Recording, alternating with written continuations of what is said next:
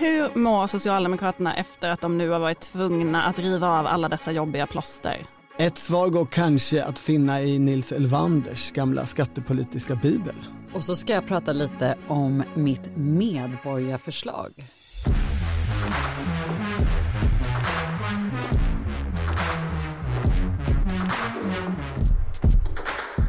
Det här är Politiken med Annie Reuterskiöld, Maggie Strandberg och Torbjörn Nilsson. Annie, hur går det med ditt medborgarförslag? Ja, det har äntligen kommit till beslut, fast ändå inte. Eh, det hela är mycket förvirrande. Vad är ditt medborgarförslag? Kan du inte berätta? jo, alltså allt började med att jag gick över Medborgarplatsen eh, en vinterdag och tyckte att det var sån misär, vilket då självklart är en väldig överdrift. Men det var liksom så här, isen tror jag hade, till och med hade smält på isbanan. Ni vet, det var en så varm vinterdag, mörkt, kallt sken från, från lamporna deppigt, man vill inte ha sina barn man vill inte vara där överhuvudtaget. Det här är Södermalm i Stockholm och kanske den, inte den mest charmiga platsen eller? Nej, men, men, samtidigt är det ju liksom inget getto heller om man säger så, vilket var då min, min känsla när jag gick där. Och så drömde jag mig bort till Kungsträdgården i Stockholm som har en sån fin isbana med ett sånt liksom lampor över i varmt sken som hade sån cirkustältsform liksom över och alltid musik och folk så här, åker runt och det är sån gemyt. Man är lycklig där. Exakt.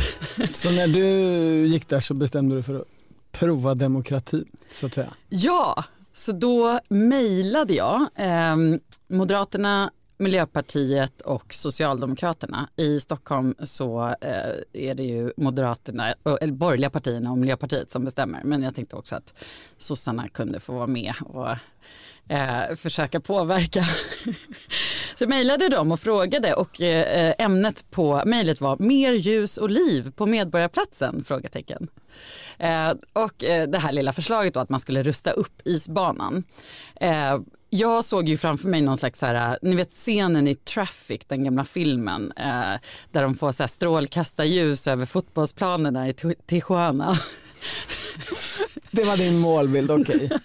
Mm. Äh, återigen en stark överdrift. Hur men reagerade de på målbilden? Men kan vi inte ändå mm. bara, förlåt, kan vi inte bara dröja oss kvar lite vid detta? för jag är inte Medborgarplatsen ändå lite så här, mycket droger, mycket liksom Um, jo, alltså, folk precis. som kanske inte har något hem, ja. mycket ungdomsgäng. Jo men det är stökigt, det är stökigt ja. och jag bor precis ovanför Medborgarplatsen och det är, det är, det, är, på riktigt så att jag ibland tycker att det är lite jobbigt att gå med mina barn just vid tunnelbaneuppgången där mm. eh, för att det är väldigt mycket just så här, drog Eh, både droghandel och eh, missbrukare och annat stök. Eh, så, och det la jag faktiskt in i förslaget också, att det här skulle ju också då kunna liksom motverka dessa onda krafter. Uh, ja. Men, och så fick jag liksom så superentusiastiska svar ganska snart uh, från alla tre som jag kontaktade. Så jag blev eld och lågor och uh, pratade med min kille och var så här, känner du demokratins vingslag? Var detta stadsdelspolitiker eller var det liksom Anna König Järlmy du mejlade? Nej, Från din Svenska Dagbladet adress. Exakt. Jag gick, på, jag gick lokalt på stadsdelsnämnden och min killes svar var då så här, är det inte fantastiskt, man behöver bara gifta sig adligt och jobba på en av Sveriges största största tidningar för att påverka. Eh, han, är... han tvivlade på medborgarförslagens eh, liksom, folklighet. Eh, kanske lite så att han ändå tänkte, han är eventuellt också lite sur för att jag inte har tagit tillbaka mitt namn efter att ha skilt mig från detta. Ja, ja, vi ska väl kanske säga, säga det också att vi har ju redan sagt att vi jobbar på Svenska Dagbladet. Jag tyckte ja, att vi fick men, in det så smidigt. Nej, fast det är inte det jag skulle säga. ja. Medborgaren Gustafsson. Vi kanske ska säga det också, att medborgarförslag är ju en möjlighet alla medborgare har att lämna förslag till politiker. Alltså inte, man har möjlighet att påverka mellan val och eh, också barn och andra människor som inte har rösträtt får ju lämna medborgarförslag. Det här är sen en ändring i kommunallagen 2002. Man måste inte vara svensk medborgare eller? Nej det behöver man inte vara. Alltså i de kommuner och regioner som har infört detta och det är i princip alla. Du är nog inte i riskgruppen Annie för att hamna här men under året 2007 så var det en och samma person som lämnade hundra medborgarförslag i Melleruds kommun. Och då, i Melleruds kommun så gjorde man ett drastiskt avskaffande då av medborgarförslag. Man slopade den möjligheten Oj. helt enkelt på grund av den här personen, gissar jag. Och sen återinförde man det igen tre år senare, eller fem år senare kanske det var. Eh, men då med ett tak. Man fick bara lämna tre medborgarförslag per person och år.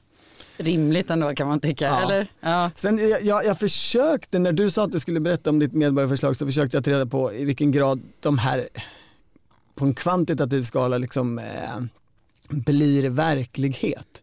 Fungerar mm. systemet? Mm. Det finns sannolikt uppföljningar på detta men jag hittade inte någon sån. Då får vi gå efter anekdotisk bevisföring. Exakt, så hur har det gått med isbanan? Jo, jo, men precis, för att efter dessa entusiastiska svar så började ju då byråkratins köttkvarnar att mala, eh, kan man ändå sammanfatta det som.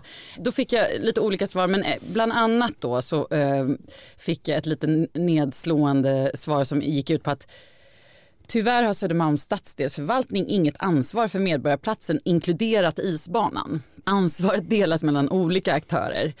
I, oh, det låter inte bra. Nej. isbanan är privatiserad. Eh, när det gäller isbanan har Trafikkontoret grundansvaret och idrottsförvaltningen skötselansvar. Trafikkontoret ansvarar för all belysning på torget inte bara, inte bara isbanan. Och musiken vid Kungsträdgårdens isbana hanteras dessutom av evenemangsplatsenheten. Ungefär där så slutade jag ju läsa mejlet. Eh, och eh, gick in i eh, någon typ av hatiskt tillstånd. Men sen så sa de då också att alltså stadens tankar är att en aktör, tänker den här revolutionerande tanken, ska ha ett helhetsansvar. Typ en, en isbanekoordinator? Nej det här är ju över hela okay, Medborgarplatsen. Ett, ett, en medborgarplatskoordinator. Precis och mm. även Kungsträdgården. Ska, mm. alltså det här är tanken att... Det låter nästan som en medborgarkatapult. Exakt. Eh, men ja, och, då, och då sa den här personen att eh, då, eh, 2021 eh, hoppas de på det här och det är ju nu. Eh, men då ska de ta upp eh, mina idéer då med denna aktör. Eh, denna helhetsaktör. Men det är oklart vem som är Men de erbjöd inte dig jobbet? Det hade, ju varit, det hade ju varit en sak. Jag hade nästan tagit det, alltså jag blev så eld och lågor eh, vad gäller det här. Men i alla fall då så skickades, och det här kanske det jag missade i mejlet eftersom jag blev så upprörd över all byråkrati, eh, att de ändå skickar in mitt medborgarförslag för beslut. Jag vet faktiskt inte riktigt varför, för de förstod att det inte skulle funka. Men 27 maj så tog stadsdelsnämnden beslut och då var man ju då väldigt positiv till eh, förslaget men förklarade varför det inte går att göra någonting åt och att trafikkontoret anser att belysningen är tillräcklig. När jag läste detta blev jag eh, eh väldigt upprörd då eftersom det var precis det som jag hade eh, lagt förslag om att det inte var tillräckligt. Det kändes verkligen som att jag var inne i en Kafka-roman. Alltså jag gick från någon så här superentusiasm och hopp om livet och demokratin till så här ingenting är möjligt. Eh, det var hemskt. Och när jag gick över Medborgarplatsen så gick jag så på, som på moln dagarna efter att jag hade fått de här entusiastiska mejlen. Och sen med tyngre och tyngre steg för varje svar jag fick av typ olika aktörer. Eh, för jag fick också mejl från liksom koordinatorer och så andra. Så, ja. Det låter lite som att det är en, en, en praovecka som politiker. Det är så ja. här politiker, tänker jag, eller det, det man hör när man pratar med dem, har det, upplever dagarna. Ja, men jag känner mer att man får förståelse för de aktiva samhällsmedborgare som mejlar en mycket eh, liksom i egenskap av journalist och som då alltid ser sig att 300 andra journalister och alla politiker de kan namnet på. Alltså mm. det känns som att du skulle kanske kunna hamna där till slut. Eller, alltså, man förstår liksom ändå mekanismen bakom att man hamnar där menar jag. Absolut. absolut. Jag menar inte att du är nära gränsen. Nej men och sen så är det så här, eh, det här ansvaret då för isbanan, alltså eh, trafiknämnden har ju då eh, eh, liksom ansvaret tydligen för musiken så det gjorde de stor sak av att så, här, så det, den delen av förslaget skickas dit och då fick jag sån panik över att så här, det var inte alls min poäng. Det var belysningen som var min poäng. Så jag skickade en komplettering då där jag beskrev också att belysningen måste vara varm och inte kall. Så risken, risken var att allt istället knäck, drog iväg till att det skulle vara en stor cirkusorkester Nej, men... som, som spelade på Medborgarplatsen dagarna i ända och inte, ja, trevligt, eh, in, inte cirkusbelysningen som du var ute efter. Exakt, exakt. Alltså man måste prioritera. I politik måste man prioritera. Men eh, ja, och sen så, sa det kommer, det kommer flera, jag har fått svar om att det kommer också åtta julgranar nästa vinter med belysning över hela torget som kommer liksom göra det trevligare och sådär. Men sen fick jag bara ett väldigt ett roligt förtydligande, ett mejl från Anders Göransson som är socialdemokrat i stadsdelsnämnden. Eh, som han berättade för mig att Socialdemokraterna, Vänsterpartiet och Feministiskt initiativ la ett särskilt uttalande och alla andra partier anslöt sig till det uttalandet. Och sen skriver han så här, är väl lite oklart vad det betyder. um, är väl lite oklart vad det betyder. Kanske kan man se det som den kommunala motsvarigheten till riksdagens tillkännagivande. Jag hoppas att vi ska gå till val på att rusta Medborgarplatsen ordentligt med Lilla Torg som inspiration. Ja, I. Malmö? Mm. Oh, ja, vilken bra idé. Ja. så det... Producenten skakar på huvudet, han kommer också från Malmö. eh, men det, alltså, det är ju mysigt i kullersten. Det är uteserveringar. Alltså, sammanfattningsvis då, så känner jag mig inte särskilt hoppfull eh, inför eh, demokratins eh, eh, vägar i staden. Men det verkar ju ändå som att det här som jag är ute efter på något sätt eventuellt kan hända trots alla dessa olika ansvarsområden. Och det verkar också som att det kanske är så då att den här radikala idén att en aktör ska ha helhetsansvar också kommer bli verklighet. Jag tänker på när Peter Eriksson var kommunalråd i Kalix, det är ju länge sedan nu, men då hade han ju, det här var ju hans dröm, eh, medborgare som var engagerade i sin kommun och som ville förändra. Han startade ju en lokal det var inte som ett, en folkomröstning men det var liksom att alla medborgare fick ha synpunkter just på torget. Vilka blommor man skulle ha, hur det skulle se ut för att skapa en positiv och konstruktiv stämning i kommunen där folk var mer engagerade. Alltså jag vet att Peter Eriksson skrev en bok om det. Och om de där blommorna? Demokratiska förslag och han verkar ju, han, han menar säkert på riktigt med det men om man också tänker hur maktstrategisk Peter Eriksson är och vilken maktpolitiker han är så låter det där mest som en avledande manöver. Alltså det, det, Håll det... ni på med blommorna på torget folket så kan jag ta de riktiga besluten här inne i huset. Jag tror att det också var fler saker som medborgarna fick. Okay. Alltså det var okay. ett stort liksom, demokratiprojekt. Ja. Jag tror, du är så cynisk. Känner ni er sugna på att lägga ett eget medborgarförslag? Det ska jag också säga att de hjälpte mig, de, här, de som jag mejlade de gjorde om mitt mejl till ett medborgarförslag. Det kan jag rekommendera. Det var ju ett jätteostruligt sätt att få in ett medborgarförslag. Jag vet alltså det låter ju eh, frustrerande. Jag tänker, undrar om det finns eh, enklare sätt att påverka. Kandidera själv för ett parti kanske. Eh, är du sugen? Inte. Nej men det är ju intressant det där egentligen att man har, alltså i, i en del länder så är ju politikerna mycket närmre sina, sitt liksom valdistrikt. Alltså så här, jag har min politiker som om jag vill ändra något så är det den personen jag ska kontakta. Så ser det inte riktigt ut i Sverige trots att vi har ett representativt system. Det var väl tanken med stadsdelsnämnderna när de infördes. Det var mycket snack om det i alla fall. Mm, jag vet inte vem som sitter i min stadsdelsnämnd. Anders Göransson sitter i min i alla fall. Vi får följa upp ditt medborgarförslag och men vi ska, jag vill bara ändå poängtera att just det här var mer ett, så här, en berättelse om hur ett medborgarförslag går till. Det var inte ett försök att påverka processen antar jag. Det var ju ett försök att påverka miljön vid medborgarplatsen. Nej men jag menar det här poddavsnittet. Jaha, ah, ja absolut. Nej men det, beslut är ju redan taget. Ah, okay. Så det är därför vi tar, ah, tar det nu. Jag har ju suttit och sugit på den här karamellen länge. Jag har velat ah. prata om det här i podden länge men jag har hållit mig. Ah. Så är det. En rätt intensiv vecka. En rätt intensiv vecka. En rätt intensiv vecka. Veckan. Veckan. Från smått till något som möjligen är lite större. Maggie, LAS. Mm. Det ska ändras och alla är överens. Nästan. Eh, inte riktigt alla är överens, men eh, i måndags så kom ju, eh, presenterades de här utredningarna som har gjorts sen parterna kom överens så att man fick eh, lite mer konkretion i förslagen.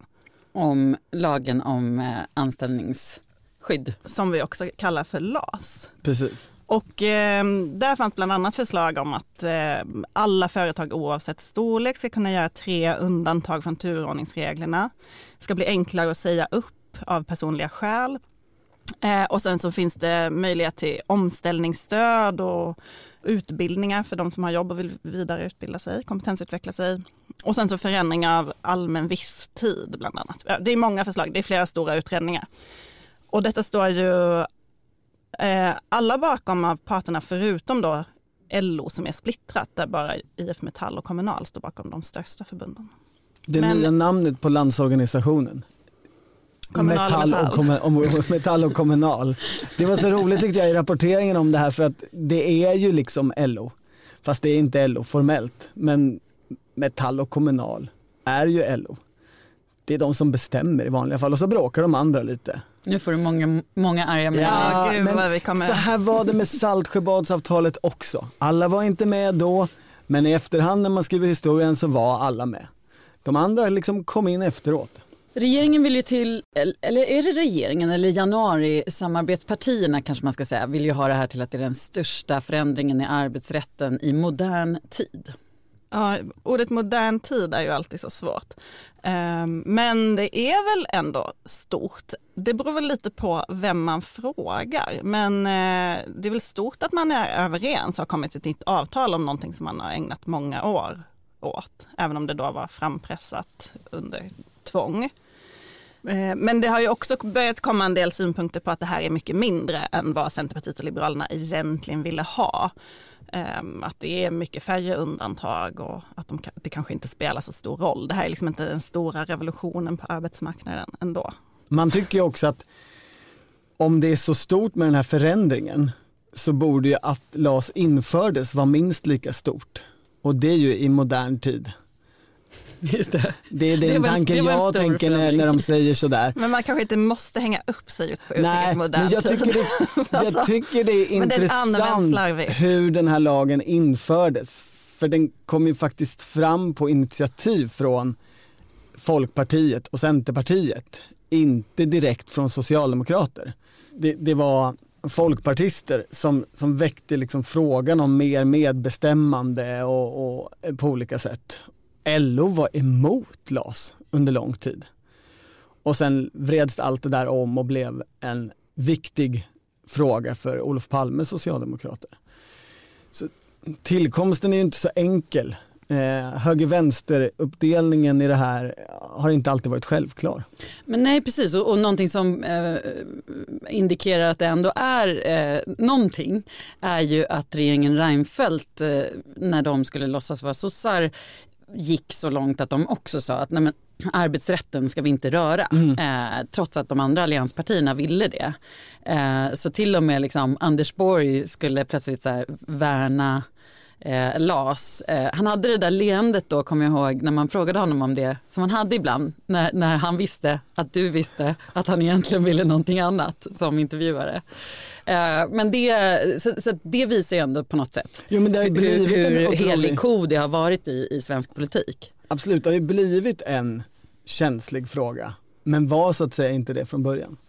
Men hur jobbigt är det här för Socialdemokraterna då? Eller är detta, ska man se detta som en stor seger för dem? Eva Nordmark var ju, arbetsmarknadsministern var ju eh, klädd i helröd kostym, lysande glad över denna produkt som hon kallade det. Um, Väldigt målmedveten i sin presentation också. Ja, det är äkta socialdemokrati. Var det, så, var det den känslan man fick? Det var liksom att det är bra för Sverige. Mm. Uh. Men hur, hur är det så då? Är detta en seger för Socialdemokraterna? Ja men det är ju det, både i att man har löst saken men ännu mer i att man får de här pengarna. Man får med sig eh, Centerpartiet och Liberalerna på att betala 11 miljarder om året i, i utbildnings och omställningsstöd. Och finns det en sak som den moderna socialdemokratin faktiskt håller som riktig helig ko så är det ju utbildning ta vilket socialdemokratiskt policydokument som helst. Det slutar alltid med att folk borde utbilda sig. Folk i vuxen ålder ska kunna utbilda sig. Och här har de fått en massa pengar till det. Men är inte detta en väl sossesnäll tolkning? Alltså idén med flexicurity som Martin Ådahl, Centerpartiets arbetsmarknadspolitiska talesperson, har drömt om så länge, det är ju också just att omställning och utbildning ska ingå. Mm. Men jag tror att man är lättad för att om parterna inte hade kommit överens hade det varit ett mycket större problem. Och det hade ju också varit ett stort problem för svenskt näringsliv, det får man inte glömma. Deras existensberättigande går ju ut på att, att de kommer till eh, en lösning med eh, facken. Men det är klart att Socialdemokraterna också har fått kompromissa här och det läggs ju på den långa listan av ändå kompromisser i januariavtalet. Men eh, någonting som Peter Wemblad på Svenska Dagbladets ledarsida lyfte var ju att eh, ja, men till exempel att företagarna inte är nöjda men också att det du nämnde eh, Maggie med tre undantag från den här sist in först ut skulle kombineras med eh, att företagen ska ha kollektivavtal vilket då sex av tio inte har. Så där finns ju också en liten, jag tycker ändå att jag, jag, tror ändå att Socialdemokraterna inte behöver, eh, att det inte gör så ont som man säger att det, det gör. Alltså som jag förstår, det, det är ju väldigt många detaljerade um, utredningar men som jag förstår så är det de som har kollektivavtal då, företag som har kollektivavtal, de kommer kunna göra undantag för upp till 15 procent av personalstyrkan. Eh, de här tre undantagen är liksom reglerade i lag men i kollektivavtalet så kan man då komma överens om 15 procent, vilket ju kan vara mycket fler. Och där, mm. det kan då tänker man sig vara kollektivavtalsdrivande. Det kommer vara mer attraktivt för företag att skaffa kollektivavtal. Mm. Svenska modellen står stark. Men som ja. du säger mm. Annie, så var det ju, i fredags kom ju också eh, utredningen om fri hyressättning i nybyggnation eller det som kallas marknadshyror, eh, vilket Stefan Löfven vägrar kalla det. Det är inte marknadshyror, det är fel att beskriva det så. Och det har ju varit en annan sån där riktigt smärtsam punkt för Socialdemokraterna. Ja, precis. Och Arbetsförmedlingen ville man inte alls privatisera. Eh, arbetskraftsinvandringen kommer ju bort lite grann men den, i januaritalet står det ju att eh, den ska inte röras. Alltså, och den arbetskraftsinvandringsreglering som vi har nu är ju en av de mest liberala i världen som kommer från allianstiden. Så det är ju också en kompromiss som man kanske inte pratar om så mycket men som man nu går till val på nästan känns det som. Så hur är läget för S då? Så du menar Annie att sammantaget så ja, Socialdemokraterna river av lite plåster nu men sammantaget så alla de här reformerna, de kan inte må särskilt bra som parti. Jag tror att man tycker att man kommit lindrigt undan eh, och att man liksom har klarat sig helskinnad. Men frågan är, vill man vara bara helskinnad mm. eller vill man vara något annat? Man tycker att jämfört med själva skrivningarna i januariavtalet och de förhandlingarna då så har man räddat upp situationen och gjort det bästa av det eller gjort någonting bättre ja, och vi ska det inte glömma, utgångsläget. Liksom. Ja, och vi ska inte glömma pandemin. Alltså det är ju väldigt mycket av det, eh, som, av, av det som inte har skett som är också med anledning av pandemin. Så det blir ju ett sånt konstigt år där, man, där ingen riktigt kan räkna vinster eller förluster på något sätt politiskt. Jag tycker det är intressant när man pratar med socialdemokrater nu så nämner många att de som styr i partiet nu, de som gör strategi och, och liksom sitter på kontrollen eller vad man ska säga, det är de som jobbar runt Stefan Löfven i statsrådsberedningen. Det är hans statssekreterare Nils Wikmång, det är hans statssekreterare Mats Andersson på samordningskansliet och det är Ibrahim Baylan som ju är statsråd um, till stor del. Och att väldigt mycket handlar om att parera kriser, inte bli avsatt av något annat parti, klara sig undan misstroende, sy ihop, liksom, få januariavtalet, liksom, klara av det, bocka av punkter. Och att det inte finns så mycket tankar framåt om både om politik men också liksom större idéer om, om vad är det för Sverige vi ska skapa, det här starka samhället som de pratar om. Um, och det tänker jag i kombination med det här med att man då har fått riva av de här plåstren. Risken är ju att det skapar ett jättestort missmod i partiet när man nu ska gå till val på att regera med Centerpartiet igen, för det är ju det alternativ som finns. Och hur, liksom, vad, vad gör det med, med mobilisering och, och känslor? Och... Ja, och har ni tänkt på en sak? Det är väldigt tyst från socialdemokrater. Vi har ju jobbat länge alla tre med mm. politisk journalistik. Eh, och i alla fall när jag började eh, på Expressen så hörde man ju extremt mycket mer från kommunalråden till exempel. Det var ju liksom var och varannan vecka någon som gick ut i något utspel och, och var kritiska mot någonting. Det har vi ju verkligen inte hört på länge. Nej, det är ehm. migrationspolitiken egentligen. Ja, och då är det lite usual suspects på något sätt. Ja. Eh, men och det, det är en, eh, en sak som jag har hört när jag har pratat eh, med socialdemokrater att man man är, de som är missnöjda är missnöjda med att man är så nöjda. Att man ligger på runt 26 procent. Hur kan det vara bra mm. för, mm. för oss så att mm. säga eh, när man är vana vid så mycket högre?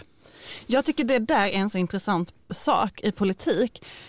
För som en människa som bara betraktar politik så tänker man så här, när det går bra för ett parti, när man har liksom opinionssiffror som är i linje med interna förväntningar, då borde man bli modig. Då borde man våga politikutveckla. Då borde det finnas eh, utrymme att, att chansa och ta risker. Men det verkar vara precis tvärtom. När det ligger så där precis på det förväntade, då vill man inte göra någonting. För man vill inte förstöra det där, man vill inte rubba det. Man, man vågar absolut ingenting. Det, det är som minst kreativitet i partiet på något sätt. Och det där är så spännande mekanism tycker jag. Don't fix what's not broken är ju eh, devisen känns det som. Ja, men, men det, hur kommer man framåt då? Vad, vad är liksom... Det är ju också att de är nöjda med hur det har utvecklats, januarisamarbetet, alltså på högsta nivå. Och det är ju nästan något märkligt den här Socialdemokraternas och Centerpartiets liksom dragningskraft, olyckliga kärlekshistoria till varandra. Förr var det ju begripligt, alltså förr i tiden när, eh, på Elanders tid och sånt där, när de här två, ja förlåt, men det var ju begripligt, för det var det arbetare och bönder, man var intressepartier för småfolket, två olika delar av småfolket. Och där gick det att hitta gemensamma nämnare. Idag finns ju inte det. Men ändå, i SCB-mätningen som kom i veckan, så har bland Centerväljarna så har deras andrahandsalternativ gått från tydligt Moderaterna, att ha Moderaterna som näst bästa parti, till att ha Socialdemokraterna.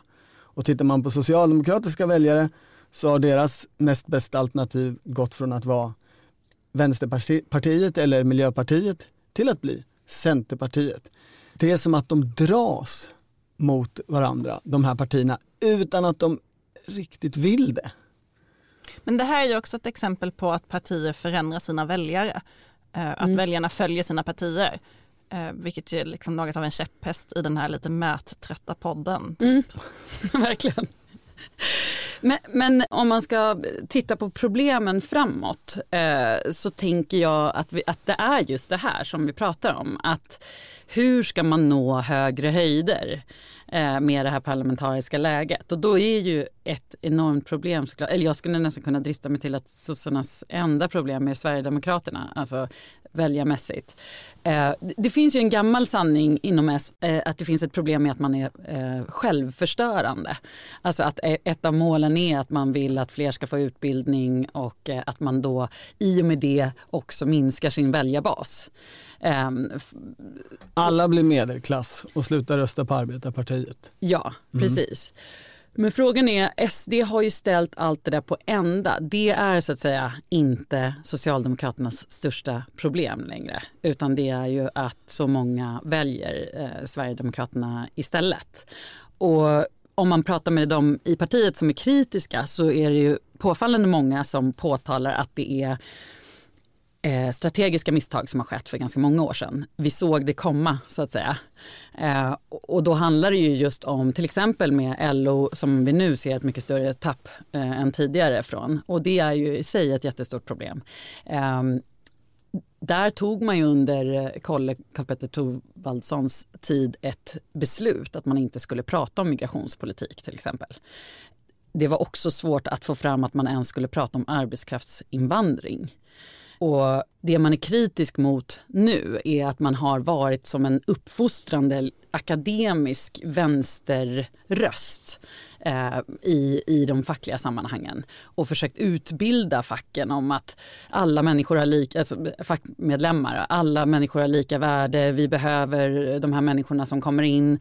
Eh, miljontals kronor har plöjts ner i den typen av kampanjer medan medlemmarna då har sagt att Absolut, alla, eh, alla har lika värde men jag vill jättegärna ha kvar mitt jobb. Det där kommer ju också, tänker jag, den, den är ju intressant den där, um, det spelar rakt in i viljan att samarbeta med Centerpartiet eh, och att knyta Centerpartiet närmare, det kräver ju också att man hela tiden fortsätter måla ut SD som ett hot och höja priset för SD-samarbetet. Och det är väldigt svårt att kombinera de där två. Verkligen. Eh, det har man, ju, man har ju inte lyckats hitta tonen där, det är snarare att man växlar lite mellan. Men jag tänker Precis, också... och eh, haka i det att ett, ett, ytterligare ett problem med just Centerpartisamarbetet blir ju att det man är kritisk mot är ju hur ska vi bli större men få igenom en, en politik som ökar jämlikheten. Eh, och, och, jag säger inte att eh, Centerpartiets eh, politik inte gör det men det är inte det största målet på samma sätt. Eh, och vi har ju sett väldigt många eh, förslag på, eller vi har sett många förslag från Socialdemokraterna som inte går igenom, eh, som går åt det hållet. När man tänker på hur de bedrev valrörelse förra gången, då kom man in i ett läge där man höjde pensionsåldern, man gjorde det enklare för ensamkommande att stanna i Sverige och ja, det var väl något mer impopulärt. Man införde amorteringskrav typ i samma veva. Eh, och frågan är hur det blir den här gången. Då kommer man också med rätt mycket impopulära eh, saker i bagaget och en ny migrationspolitik.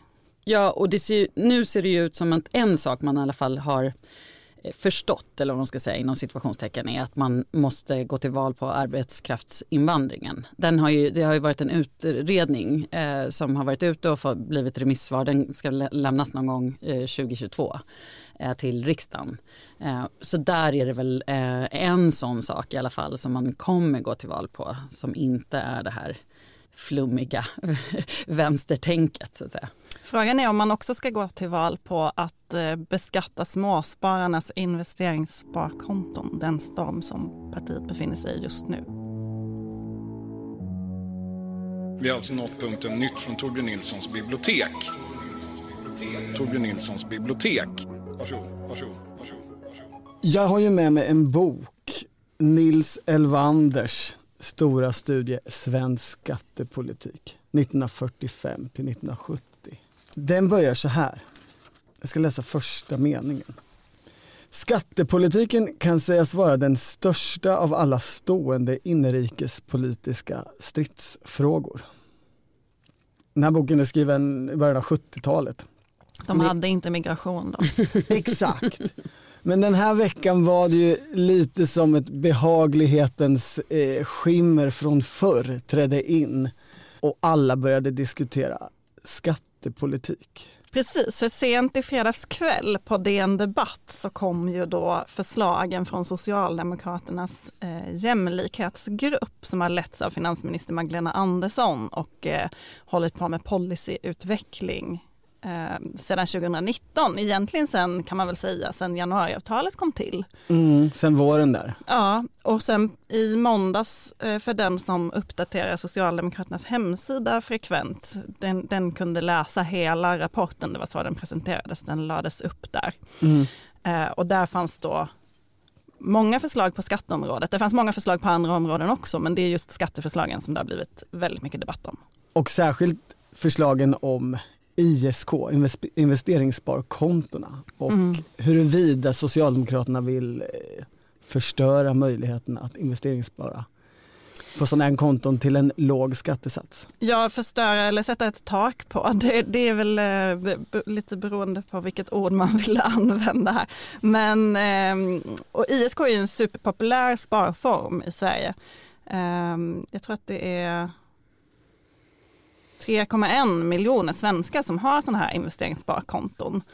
Ehm, det som gav extra bränsle till det här var ju att eh, Socialdemokraterna också hade beställt en utredning av riksdagens utredningstjänst som då finns med som en liten fotnot i den här rapporten där de hade tittat på taket 100 000 och 200 000 kronor.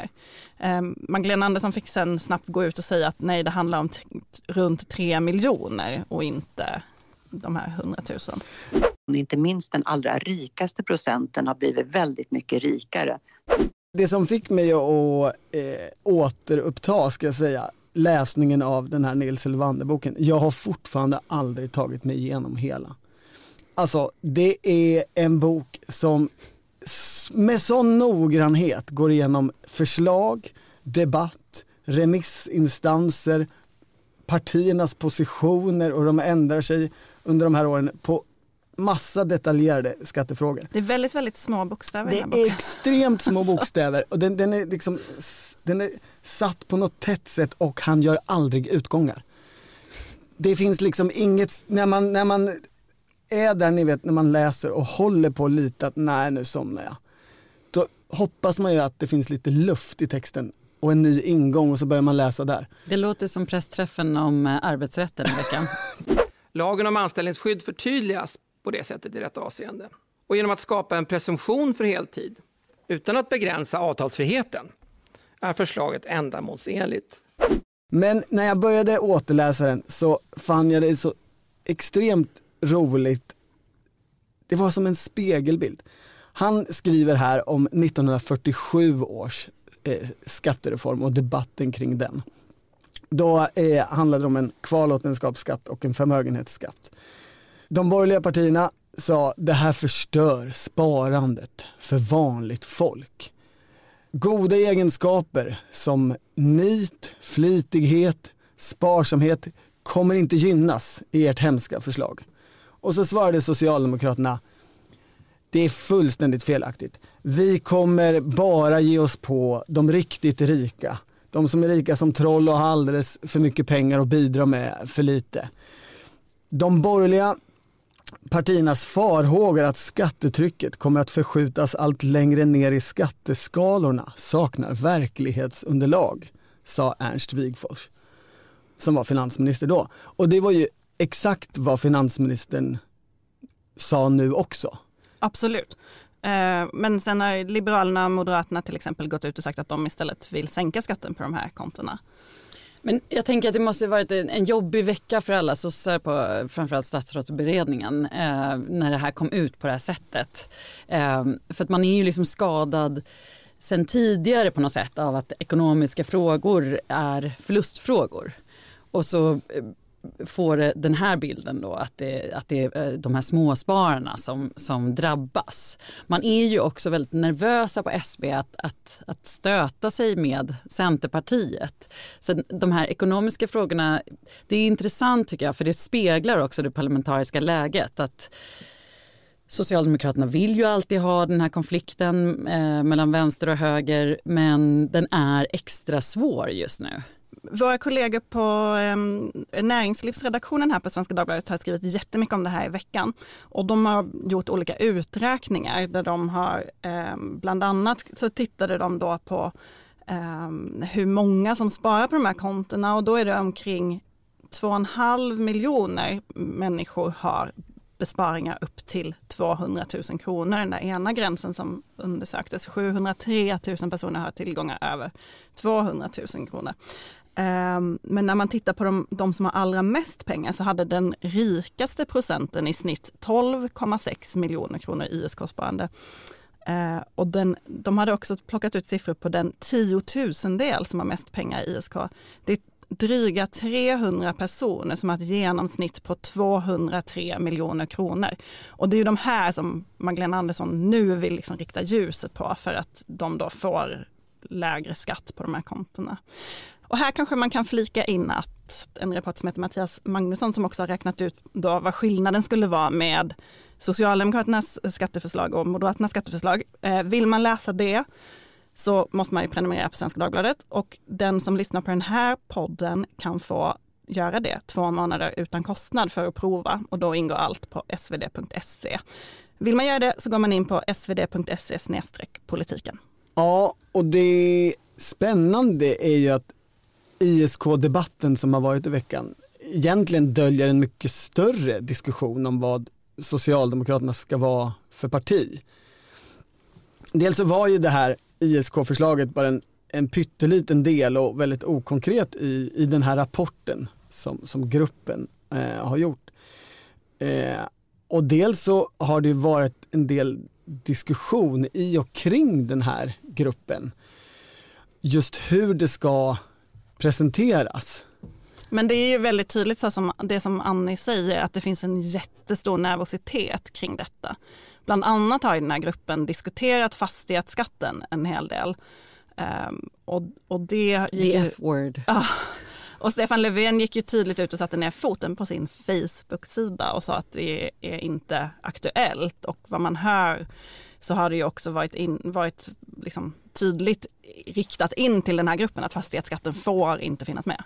I gruppen så har då LOs chefsekonom Ola Pettersson suttit, eh, Malmös kommunalråd Katrin Stjernfeldt Jamme och eh, SSU har varit representerat av Filip Botström. Och alla de här tre aktörerna har ju en ekonomisk politik som ligger till vänster om, om den politik som man bedriver. Alltså det har ju också varit fler med, men, de, men det har varit många vänstersossar med. Ja, absolut. Det spännande som man hör är ju att förutom fastighetsskatten då, så har ju Magdalena Andersson som har lett gruppen varit inriktad på rörelser åt vänster. Som i världspolitiken kan man väl säga. Ja, och det som lite försvann nu när alla pratade om ISK-konton, eller IS-konton borde det heta.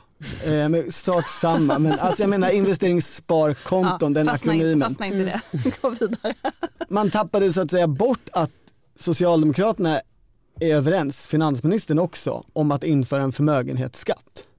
Till exempel. Socialdemokraterna är överens, finansministern också, i den här gruppen, om att man ska sluta indexera ner eh, statsbidrag. Utan statsbidrag ska följa den allmänna ekonomiska utvecklingen och alltså inte år för år minska i relation till den övriga ekonomin. Det, det är ju stora saker, mycket ja, pengar. För att inte tala om alla bostadsgrejerna, alltså trappa ner ränteavdrag, man ska inte kunna skjuta upp vinstbeskattning att, eh, för uppskovsräntan, alltså inte skjuta upp lika lätt. Men Socialdemokraterna är ju inte överens om detta, här har du ju egentligen fel. Den här gruppen är ju överens om detta. Detta ska nu tas till partistyrelsen och sen eventuellt komma till kongressen. Och det är ju här det ändå blir riktigt spännande tycker jag. För att den här gruppen har man hört ganska mycket om sedan den tillsattes. Liksom det har pratats mycket om den. Det här är det stora politikutvecklingsprojektet, ett av dem. Det finns ju ett på sjukvård också. Väl? Ja. Eh, finansministern har liksom suttit i långa heldagsmöten om det här. Alltså man har ju, det är ju tunga namn med, man har satsat väldigt mycket på det. Sen presenterar man det en fredag kväll på DN Debatt och när det började diskuteras, vi hade ett underbart citat i en artikel i Svenska Dagbladet, där de då från partikansliet låter meddela att det inte alls är självklart att det här förslaget ens ska komma upp på kongressen. Eh, det finns gott om exempel på när den här typen av så kallade underlagsrapporter inte mynnar ut i något konkret förslag alls. Alltså men det här är ett arbete man har lagt jättemycket tid och energi på, som har varit jätteviktigt för partiet och nu, är det, nu försöker man liksom med alla medel snacka ner det. Ja, och det, men det är ju så symptomatiskt för, eh, för allt just nu. Alltså hur, hur många socialdemokrater tror på att man kommer kunna genomföra de här sakerna. Man puttrar mot vänster lite grann, men med Centerpartiet som närmaste allierade, hur ska man få igenom det? Nej, 3.12-förslag som också finns med här, att, eh, att göra det eh, stramare. Det blev ju Magdalena Andersson nästan avsatt på när hon försökte lägga fram det sist. Och ändå så går hon i den här riktningen och vill det. Idag nu när vi pratar så har Socialdemokraterna sitt ekonomisk-politiska seminarium där de brukar ha i Almedalen, det är digitalt, tidigare lagt i år. Den här rapporten och gruppen skulle ha presenterat eh, sina slutsatser och diskuterat dem på det här ekonomisk-politiska seminariet om Magdalena Andersson hade fått bestämma. Men hon fick inte bestämma. Utan någon på högre ort sa vi ska inte alls prata om den här gruppen och vad ni har kommit fram till.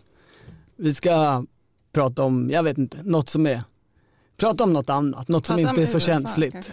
Men Stefan Löfven fick också frågor i Morgonstudion i morse i SVT om det här. Ehm, och han var otroligt luddig, så luddig som man kan vara. Men han var ändå tydlig med att han tycker att rika ska betala mer skatt. Och det har man väl också, som, vad jag förstår, eh, mätt då i partiet. Att, eh, och att det finns ändå en... en Varenda förslag i den, här, i den här rapporten är väl mätt? Det finns ändå i, bland liksom opinionen någon slags eh, stöd för att rika ska betala mer. Frågan är vad man ska gå till val på då. Eh, om man inte kan prata skatter, om man inte tänker prata migration, man tänker att det är lite överspelat. Eh, man tycker att man mår ganska bra ändå. Alltså, man har klarat pandemin, man har eh, kommit runt de här problematiska bitarna i januariavtalet. Nu, nu låter det som statsrådsberedningen. Ja, ja mm. exakt. Mm. Eh, vad går man till val på? Vad, vad är eh, projektet så att säga? Det är ju det som är oklart för det här är ju tanken om framtiden. Så om, om det här inte är framtiden. Du tänker på skatterna nu? Eller? Den här rapporten i sin helhet, mm. den innehåller ju mycket annat också. Vad är då framtiden och varför vill man inte diskutera framtiden om inte nu i alla fall? Nej men om man inte får prata om något då kanske valkampanjen blir ett eko av det Stefan Löfven säger nu. Eh, att det här med att Sverige ska inte tillbaka. Eh, vi ska bygga ett bättre samhälle efter pandemin. Det ska bli bättre än före corona. Jag skulle vilja lägga in den klassiska journalistiska frågan, hur då? Men det kanske vi får göra någon annan gång. Tack för idag. Vi hörs nästa vecka. Det gör vi.